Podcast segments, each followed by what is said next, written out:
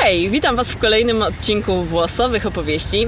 Dzisiaj moim gościem jest kobieta w laboratorium, czyli Aldona Gajek. Aldona, powiedz mi, gdzie możemy Cię znaleźć? Cześć, tu Aldona. Możecie mnie znaleźć na Instagramie, na koncie Kobieta w Laboratorium. No i też zajmuję się pisaniem bloga pod tą samą domeną kobietalaboratorium.pl. Pamiętajcie, że wszystkie linki znajdziecie oczywiście w opisie do tego podcastu. Nie zapomnijcie też zostawić łapki w górę i subskrypcji, bo YouTube nadal nie lubi podcastów.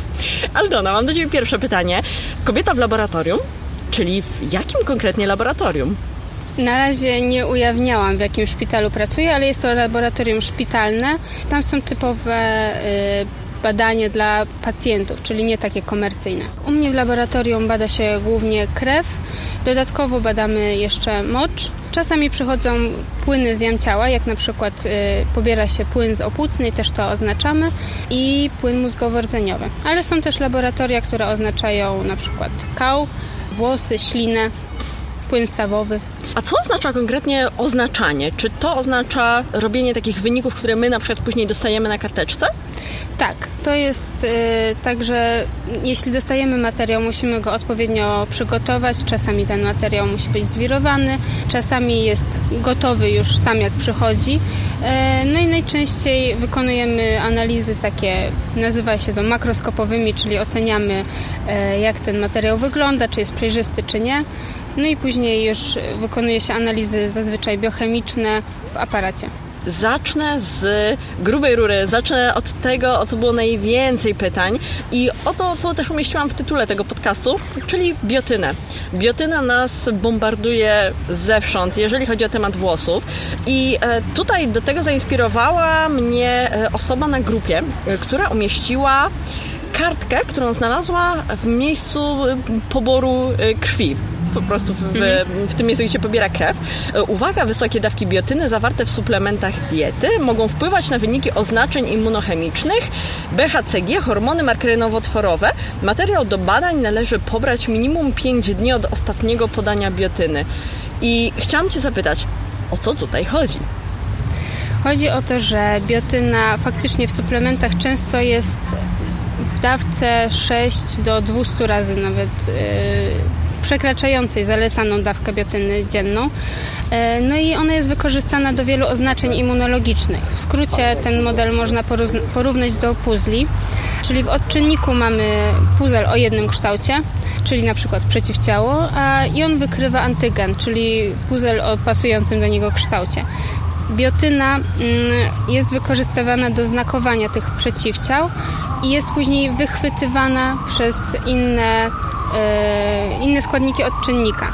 Jeśli my suplementujemy biotynę, wtedy tej biotyny jest w krwi krążącej więcej, czyli odczynnik dając nam wynik poprzez odpowiednie reakcje chemiczne, e, mówi nam, że jakby tych kompleksów antygen przeciwciało jest więcej niż, niż jest w rzeczywistości, albo biotyna może też blokować połączenie z odpowiednim odczynnikiem, przez co mamy zaniżony wynik. Więc z racji tego wyniki są po prostu nieprawidłowe. Czyli e, przykładowo, jeżeli ktoś sobie zrobi badania na hormony tarczycy, to w jaki sposób e, taka zażywana biotyna mogłaby wpłynąć na te wyniki? To zależy od metody oznaczania. Czasami, chyba przy tarczycy akurat chodzi o to, że często jest zaniżone, czyli na przykład może nam wyjść niedoczynność lub nadczynność tarczycy, mimo że tarczyca jest zupełnie w porządku, tylko przez to, że, że suplementujemy biotynę. Pytam o to, bo często osoby, które mają problem z wypadającymi włosami, podejrzewają na przykład właśnie problem z tarczycą. Idą do lekarza, lekarz zaleca im badania i na przykład nie pojawia się to pytanie o biotynę. Czy to znaczy, że powinniśmy się obawiać na przykład takiego lekarza, czy to nie jest w gestii lekarza, żeby nam coś takiego wybadać? Nie, sądzę, że nie musimy się obawiać, bo lekarze najprawdopodobniej sami nie wiedzą, jak są takie badania wykonywane, więc nie mogą nas uprzedzić, więc warto, żebyśmy sami wiedzieli i jeśli jeśli suplementujemy biotynę, to warto na przykład, właśnie tak jak było na tej kartce, z tydzień odczekać od ostatniej dawki. A jeżeli e, przyjmujemy biotynę, czy to faktycznie działa? Czy zażywanie biotyny ma sens? Zażywanie biotyny ma sens tylko przy niedoborach. Dotarła na przykład do badań, gdzie sprawdzali działanie biotyny na zdrowych osobach, a zdrowe osoby to są osoby bez niedoborów. I tam na przykład nie wykryto wzmożonego e, wzrostu włosów e, i paznokci. Przyjmowanie biotyny ma sens właśnie jeśli mamy niedobór tej biotyny, ale jeśli przyjmujemy biotynę i nie widzimy żadnych rezultatów, no to najprawdopodobniej oznacza, że y, wszystko z nami w porządku, jeśli chodzi o biotynę i jest ona na odpowiednim poziomie, a tak naprawdę szkoda wtedy niszczyć wątrobę, bo ona to musi przetrawić i nadmiar się nie odkłada, tylko jest wydalany. Czyli mamy już dwie zasady. Zawsze powiedzieć lekarzowi o wszystkich suplementach, jakie przyjmujemy. I druga zasada, żeby nie przyjmować preparatów, które które nam nie służą, które nam nie dają poprawy, tak? Tak, które nie są nam potrzebne. Z biotyną jest tak, że biotyna często jest i tak zawierana w jakichś multivitaminach, w wielu suplementach, więc warto sprawdzić, żeby nie powielać. Na przykład biotyna, witamina H, witamina B7, to wszystko jest to samo, więc często zdarza się tak, że przyjmujemy tej biotyny naprawdę dużo za dużo, a ona nie odnosi skutku, bo na przykład skutkiem wypadania włosów są problemy z żelazem. Właśnie, żelazo. O, to było bardzo, bardzo dużo pytań. I pierwsze pytanie, żelazo a ferytyna. Jaka jest tutaj różnica? Żelazo oznaczane we krwi, no to jest to parametr, który nam mówi o żelazie, które sobie tak jakby chodzi we krwi samo. Ferytyna to jest taki magazyn. Jeśli oznaczamy ferytynę, to wiemy, jaka jest gospodarka żelaza jak organizm się zabezpieczył. Jeśli mamy niedobór żelaza, to tego nie wykryjemy w pierwszej kolejności żelazem, tylko właśnie ferytyną, bo ferytyna jakby oddaje żelazo i to żelazo we krwi jest w normie, ale magazyn się kurczy. Więc warto oznaczyć jednocześnie żelazo i ferytynę, bo pierwsze, jeśli nam spadnie żelazo, to to już znaczy, że jest spory niedobór i magazyn się tak naprawdę wyczerpał. A suplementowanie żelaza, czy to w ogóle ma sens? Tak, ma sens i ma dużo sensu, bo często jest tak, że mamy właśnie niedobór żelaza. Przy suplementowaniu żelaza warto pamiętać, żeby je suplementować i przyjmować jednocześnie z witaminą C, bo ona pomaga wchłaniać żelazo. I jeśli mamy niedobór żelaza, o tym pisałam na blogu, to można to zauważyć poprzez na przykład właśnie wypadanie włosów, trochę kruch, bardziej kruche paznokcie albo na przykład pękanie kącików ust. Ale też tutaj trzeba pamiętać o tym, żeby nie przyjmować żelaza, jeżeli nie mamy niedoboru, prawda? Tak, tak. To przy, przy każdym suplemencie działa ta zasada i ona jest niezmienna. Jasne, to będziemy jeszcze podkreślać, bo jest to super ważne, bo myślę, że w Polsce przyjmujemy całkiem sporo suplementów. Zgadza się?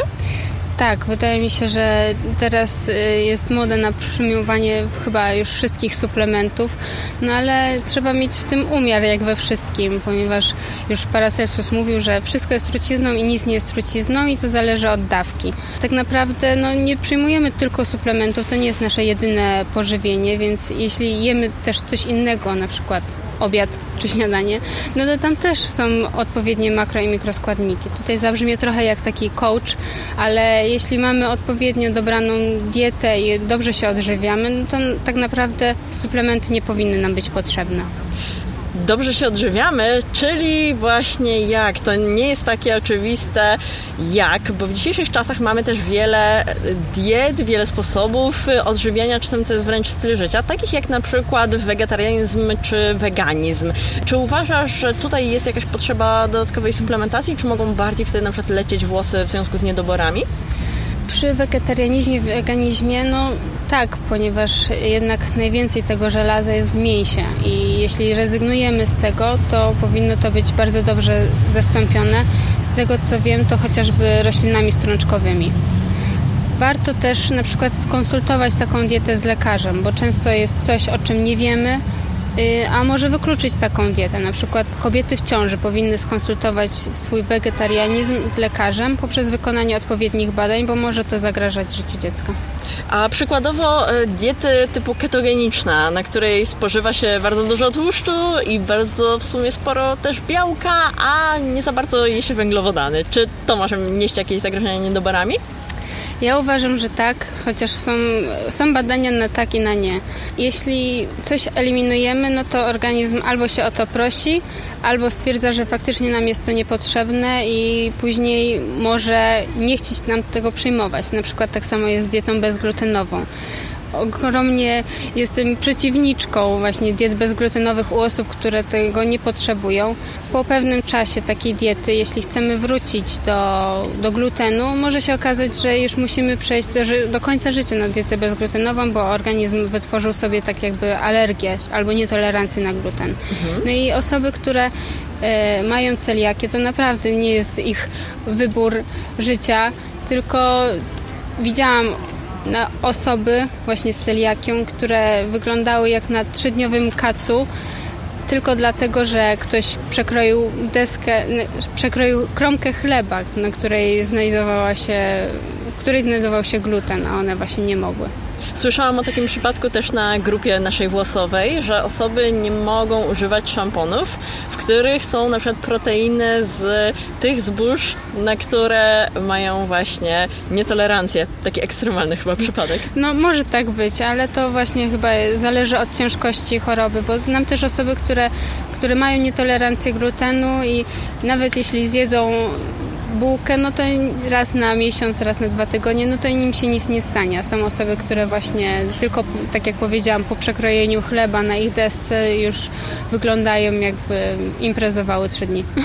W pytaniach od e, czytelników pojawiły się też e, oczywiście zapytania o kawę, herbatę, wszelkie używki. Jak to z tym jest? Po pierwsze, e, trzeba zaznaczyć, że nie należy popijać leków i suplementów niczym innym niż wodą, ponieważ może to albo osłabić działanie, albo nawet je spotęgować. Więc y, zalecałabym picie kawy lub herbaty tak pół godziny na przykład po przyjęciu, do godziny na przykład. Wszystkie używki, takie jak alkohol, papierosy lub inne, odkładają się we włosach i je osłabiają, przez co też może mogą one wypadać.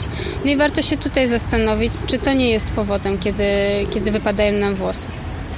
A mam pytanie jeszcze wracając do badań, bo też dostałam wiele pytań o to, jakie badania warto wykonać w pierwszej kolejności. Czy na przykład badanie na żelazo i ferytynę będzie taką pierwszą kolejnością, czy są jakieś bardziej podstawowe?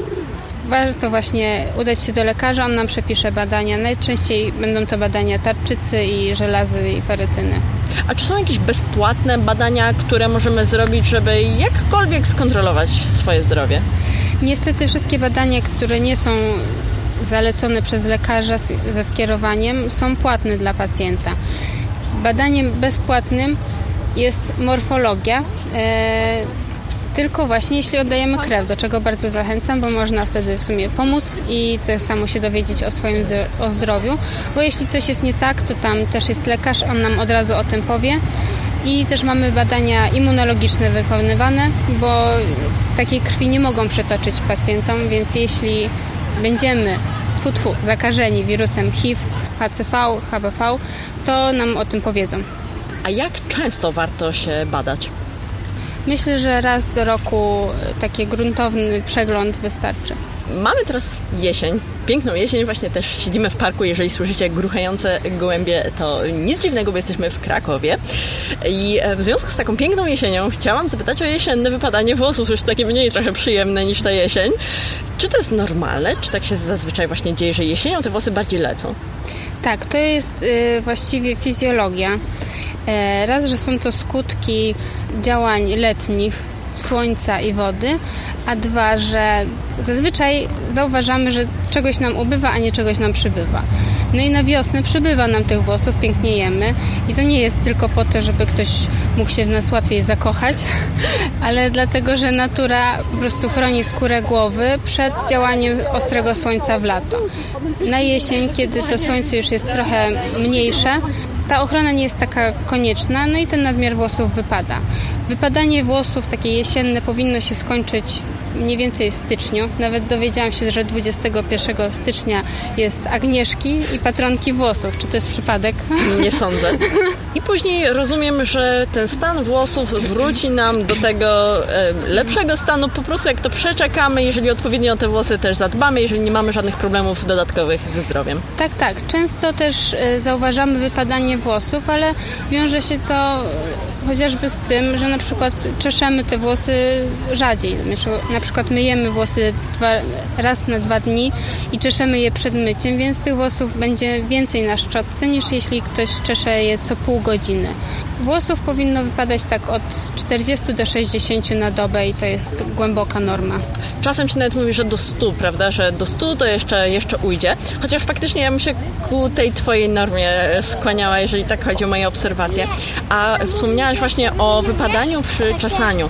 To jest super ważne, że pamiętajcie, e, tutaj mówię do wszystkich nas e, słuchających, jeżeli zaczynacie na przykład pielęgnację kręconych włosów i zaczynacie je stylizować i nakładacie na mokre włosy stylizatory i już później ich nie czeszecie na sucho, to oczywiste jest to, że przy kolejnym myciu więcej ich wypadnie, bo po prostu żadnych tych, które i tak by wypadły, nie wyciągacie. Też tak zaobserwowałam przy wczesywaniu odżywki, że jak ludzie zaczynają wczesywać odżywkę, włosy zostają na szczotce, a nie spływają prosto do odpływu, więc ludzie po prostu je widzą. A tak to one spływają sobie do rur i no, nie żal ich, bo ich nie widzimy. Tak, dokładnie tak jest. Sama to zaobserwowałam u siebie.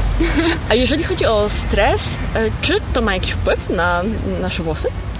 Tak, mogą wypadać e, włosy, ale to jest ogólna e, jakby sytuacja organizmu, kiedy właśnie się stresujemy, to dużo różnych niewytłumaczalnych rzeczy dzieje się w naszym organizmie. A czy jest tak, że włosy są dla organizmu mało ważne, że jeżeli coś się dzieje w organizmie, to on najpierw będzie się ratował, a włosy schodzą na dalszy plan? Tak, trochę tak jest. Niestety skóra, włosy, paznokcie te wszystkie składniki odżywcze, które dostarczamy, dostarcza włosom i skórze e, w ostatniej kolejności, żeby zabezpieczyć te najważniejsze organy, jak serce, nerki, wątroba.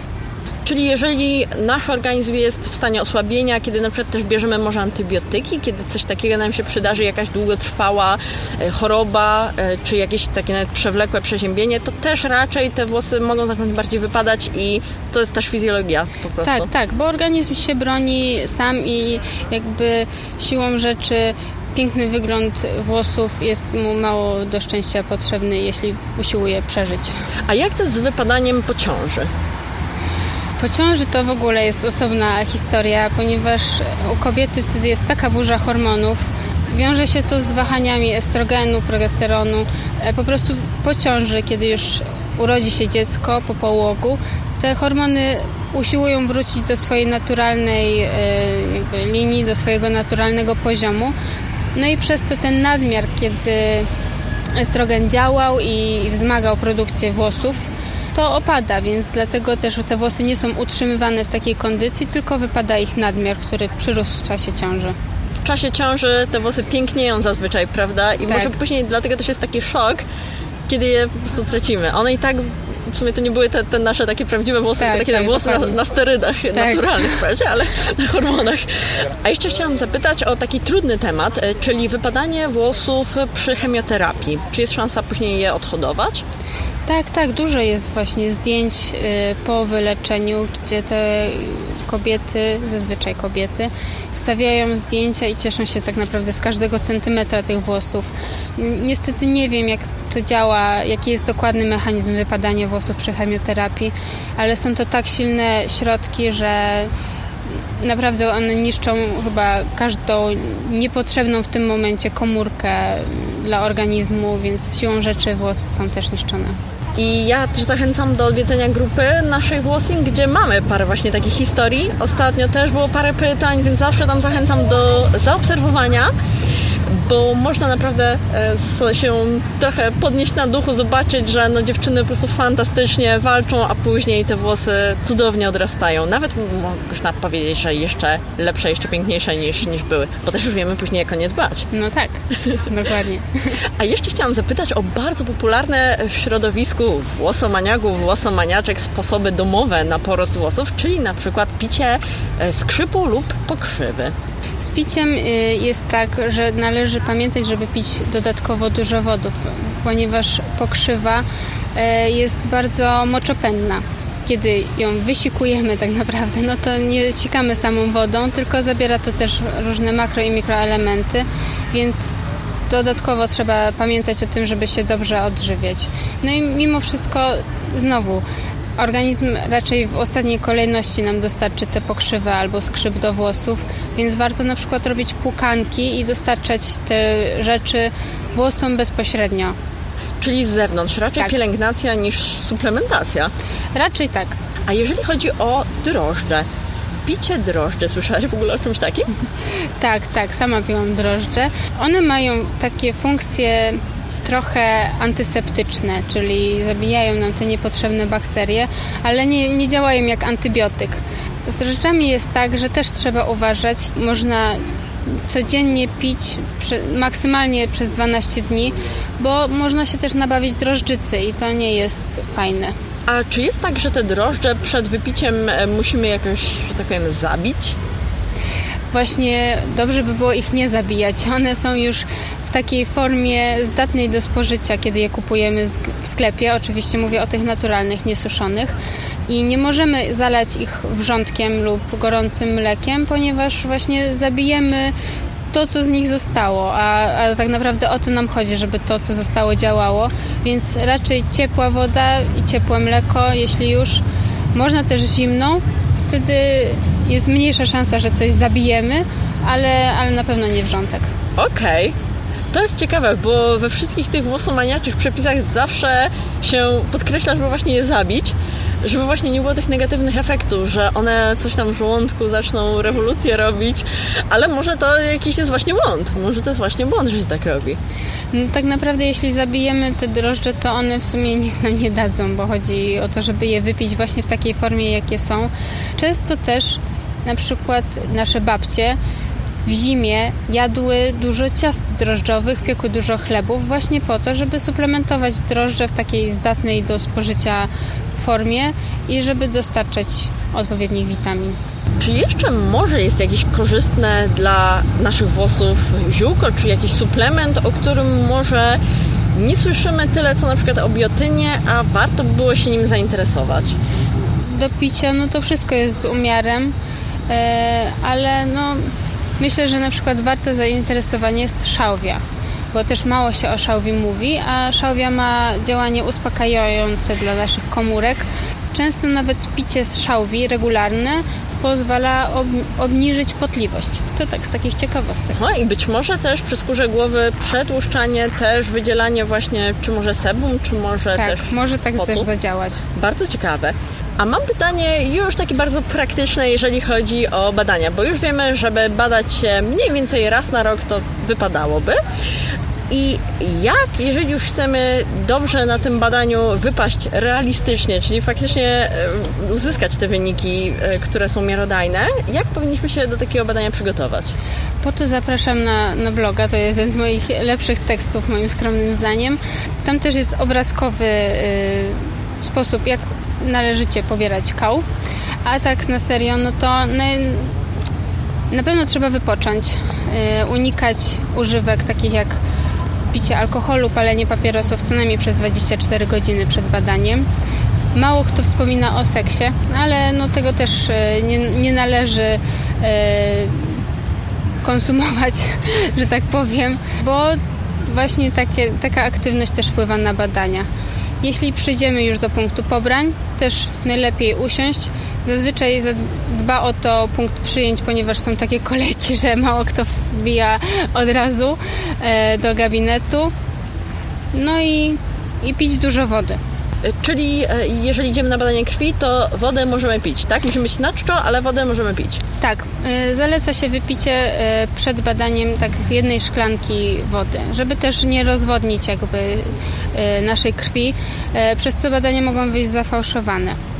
Należy też y, pamiętać, żeby nie zmieniać diametralnie swojej diety, bo to wyjdzie i tak bo organizm nie zeruje się po północy i to nie jest tak, że nagle przestaliśmy jeść golonkę i teraz wszystkie badania będą w normie. Lekarz chce sprawdzić to, jak funkcjonujemy. Należy się też zapytać lekarza, czy mamy odstawić leki, czy nie, bo czasami lekarz chce sprawdzić, jak działa organizm już na lekach, żeby sprawdzić, czy to jest odpowiednia dawka, a czasami chce zobaczyć, jak działa, jak funkcjonuje bez tych leków więc trzeba się wtedy skonsultować z lekarzem.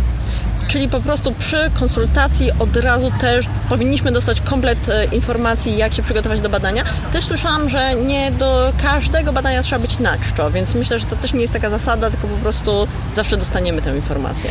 Tak, znaczy odchodzi się od tego, żeby nie do każdego badania właśnie być na, znaczy odchodzi się od bycia na czczo przy każdym badaniu, ponieważ to tak naprawdę nie odzwierciedla prawidłowej funkcjon prawidłowego funkcjonowania organizmu, e, no bo rzadko kiedy w ciągu dnia jesteśmy 8 godzin bez jedzenia e, ale nadal wszystkie badania są wystandaryzowane. Właśnie chodzi o to, że jeśli jesteśmy na czczo, to wszyscy inni pacjenci też są na czczo i te badania są prowadzone na pacjentach którzy są na czczo, więc jakby warunki są takie same i, i dlatego Dlatego takie są zalecenia, bo te badania są wystandaryzowane i można je porównać.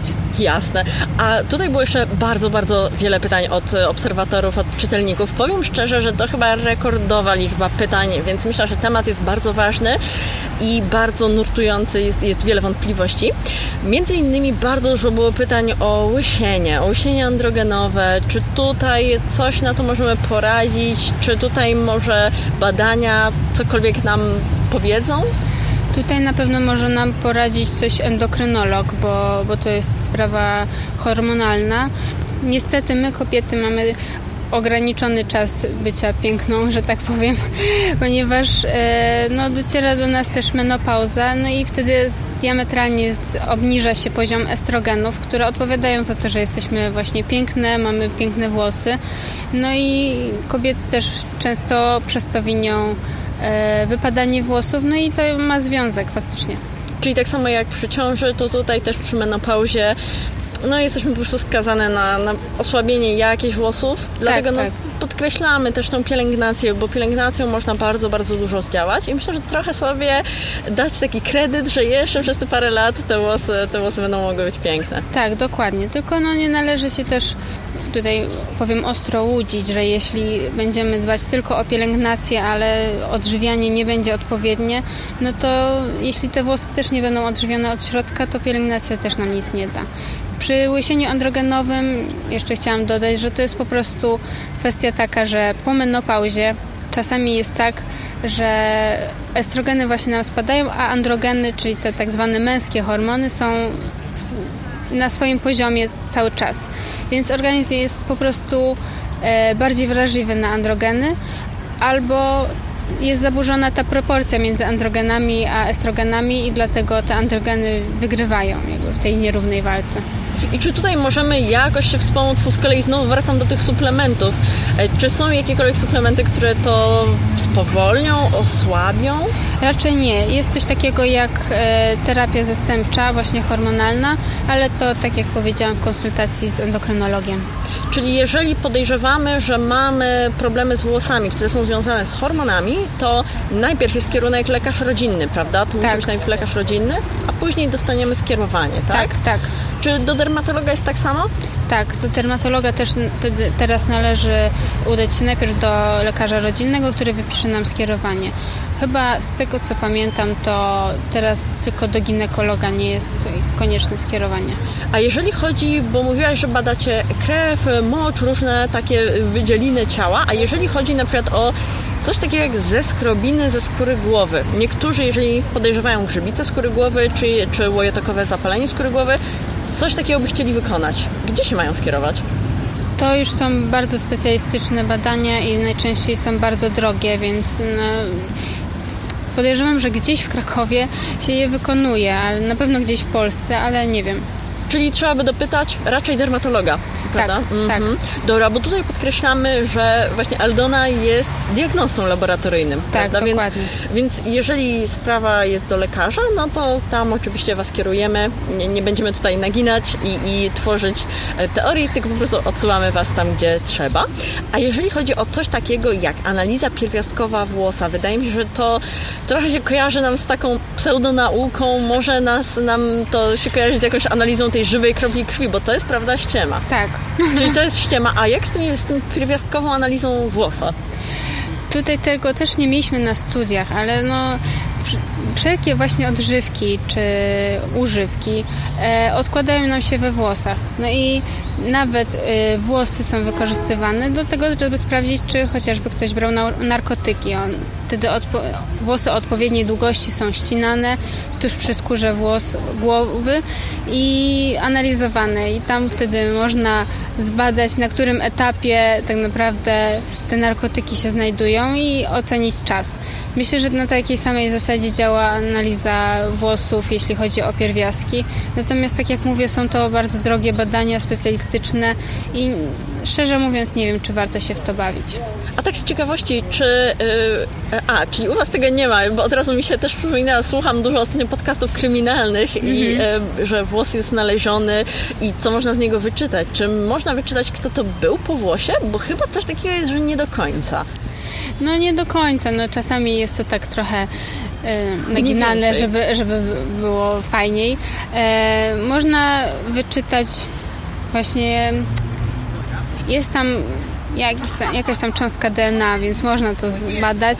Można wyczytać na przykład, e, jak ta osoba się odżywiała.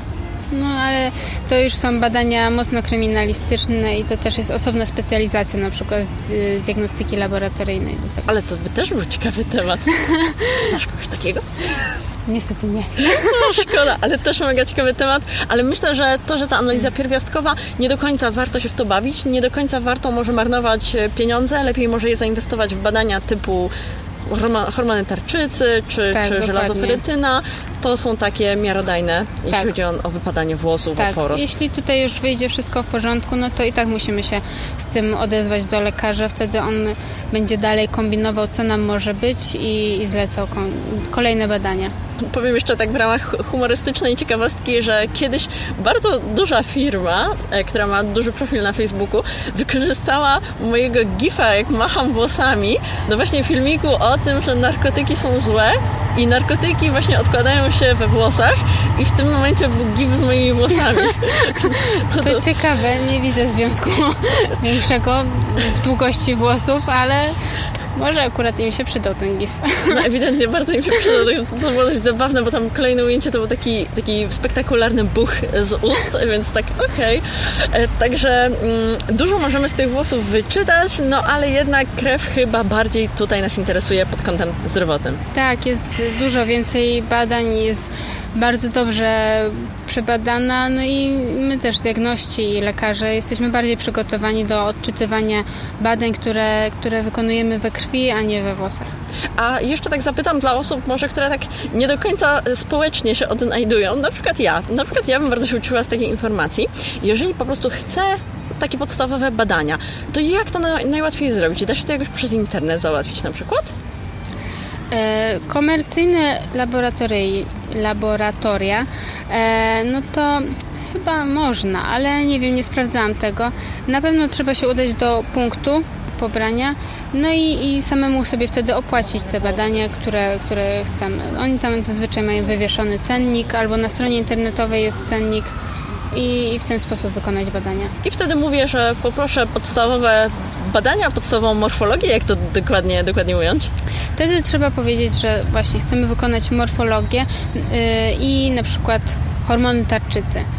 Oni mniej więcej już wiedzą o co chodzi, ale warto sobie prześledzić i odpowiednio się przygotować, żeby już powiedzieć konkretnie, jak chcemy badania, ponieważ no, nie ma jeszcze takiego pakietu, że wchodzimy, proszę, pakiet włosowy albo pakiet, nie wiem, ginekologiczny i jest konkretny, konkretny badania są wypisane.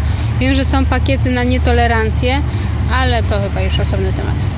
I jeżeli byśmy chciały stworzyć, bo myślę, że stworzymy właśnie taki, taką listę badań właśnie włosowych, żeby już ułatwić to maksymalnie, to co byś tam wrzuciła tak po kolei? Myślę, że właśnie morfologię, e, żelazo i ferytynę. No i dodatkowo e, właśnie warto sprawdzić TSH, FT3 i FT4.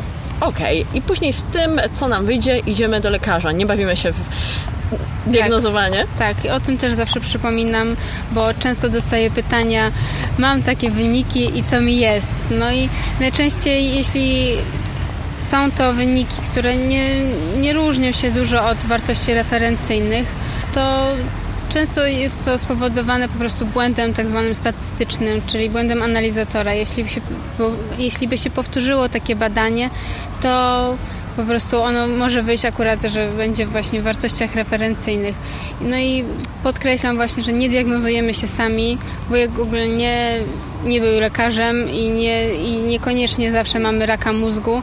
E, więc warto po prostu pójść z tym do lekarza. No i każdy organizm też jest inny, więc być może nawet jak mamy coś tam przekroczone, czy jakiś niedobór czegoś, to może u nas to niekoniecznie będzie znaczyło jeszcze choroby, prawda? Tak, tak, dokładnie tak jest. Ja na przykład tak mam z temperaturą. Nie jest wiecznie zimno, ale moja standardowa temperatura ciała to 35,6, podczas kiedy wszystkich normalnych ludzi zdrowych na świecie to 36,6. I jeśli obserwujemy u siebie właśnie, że coś mamy za nisko, ale nie czujemy się źle, nic nam jakby nie dolega, no to może się okazać, że to jest po prostu taka nasza uroda. Także wszyscy się różnimy. Warto się oczywiście badać. Jeżeli po tym podcaście poszliście na badania, to koniecznie o tym napiszcie. Być może macie jeszcze jakieś pytania. Jeżeli to pytanie do lekarza, to oczywiście Was tam przekierujemy, bo nie wszystkie pytania tutaj jesteśmy w stanie, jesteśmy w stanie na nie odpowiedzieć. Niektóre wykraczają poza temat, tak jak właśnie na przykład to o łysienie, e, mhm. czy chociażby o te e, zeskrobiny przy, przy LZS-ie, prawda, bo też LZS, AZS to już są tematy dermatologiczne. Tak, to już są tematy dermatologiczne. Ale myślę, że i tak e, masa pytań została odpowiedziana. Aldona, nie wiem, czy jeszcze byś chciała coś może dodać?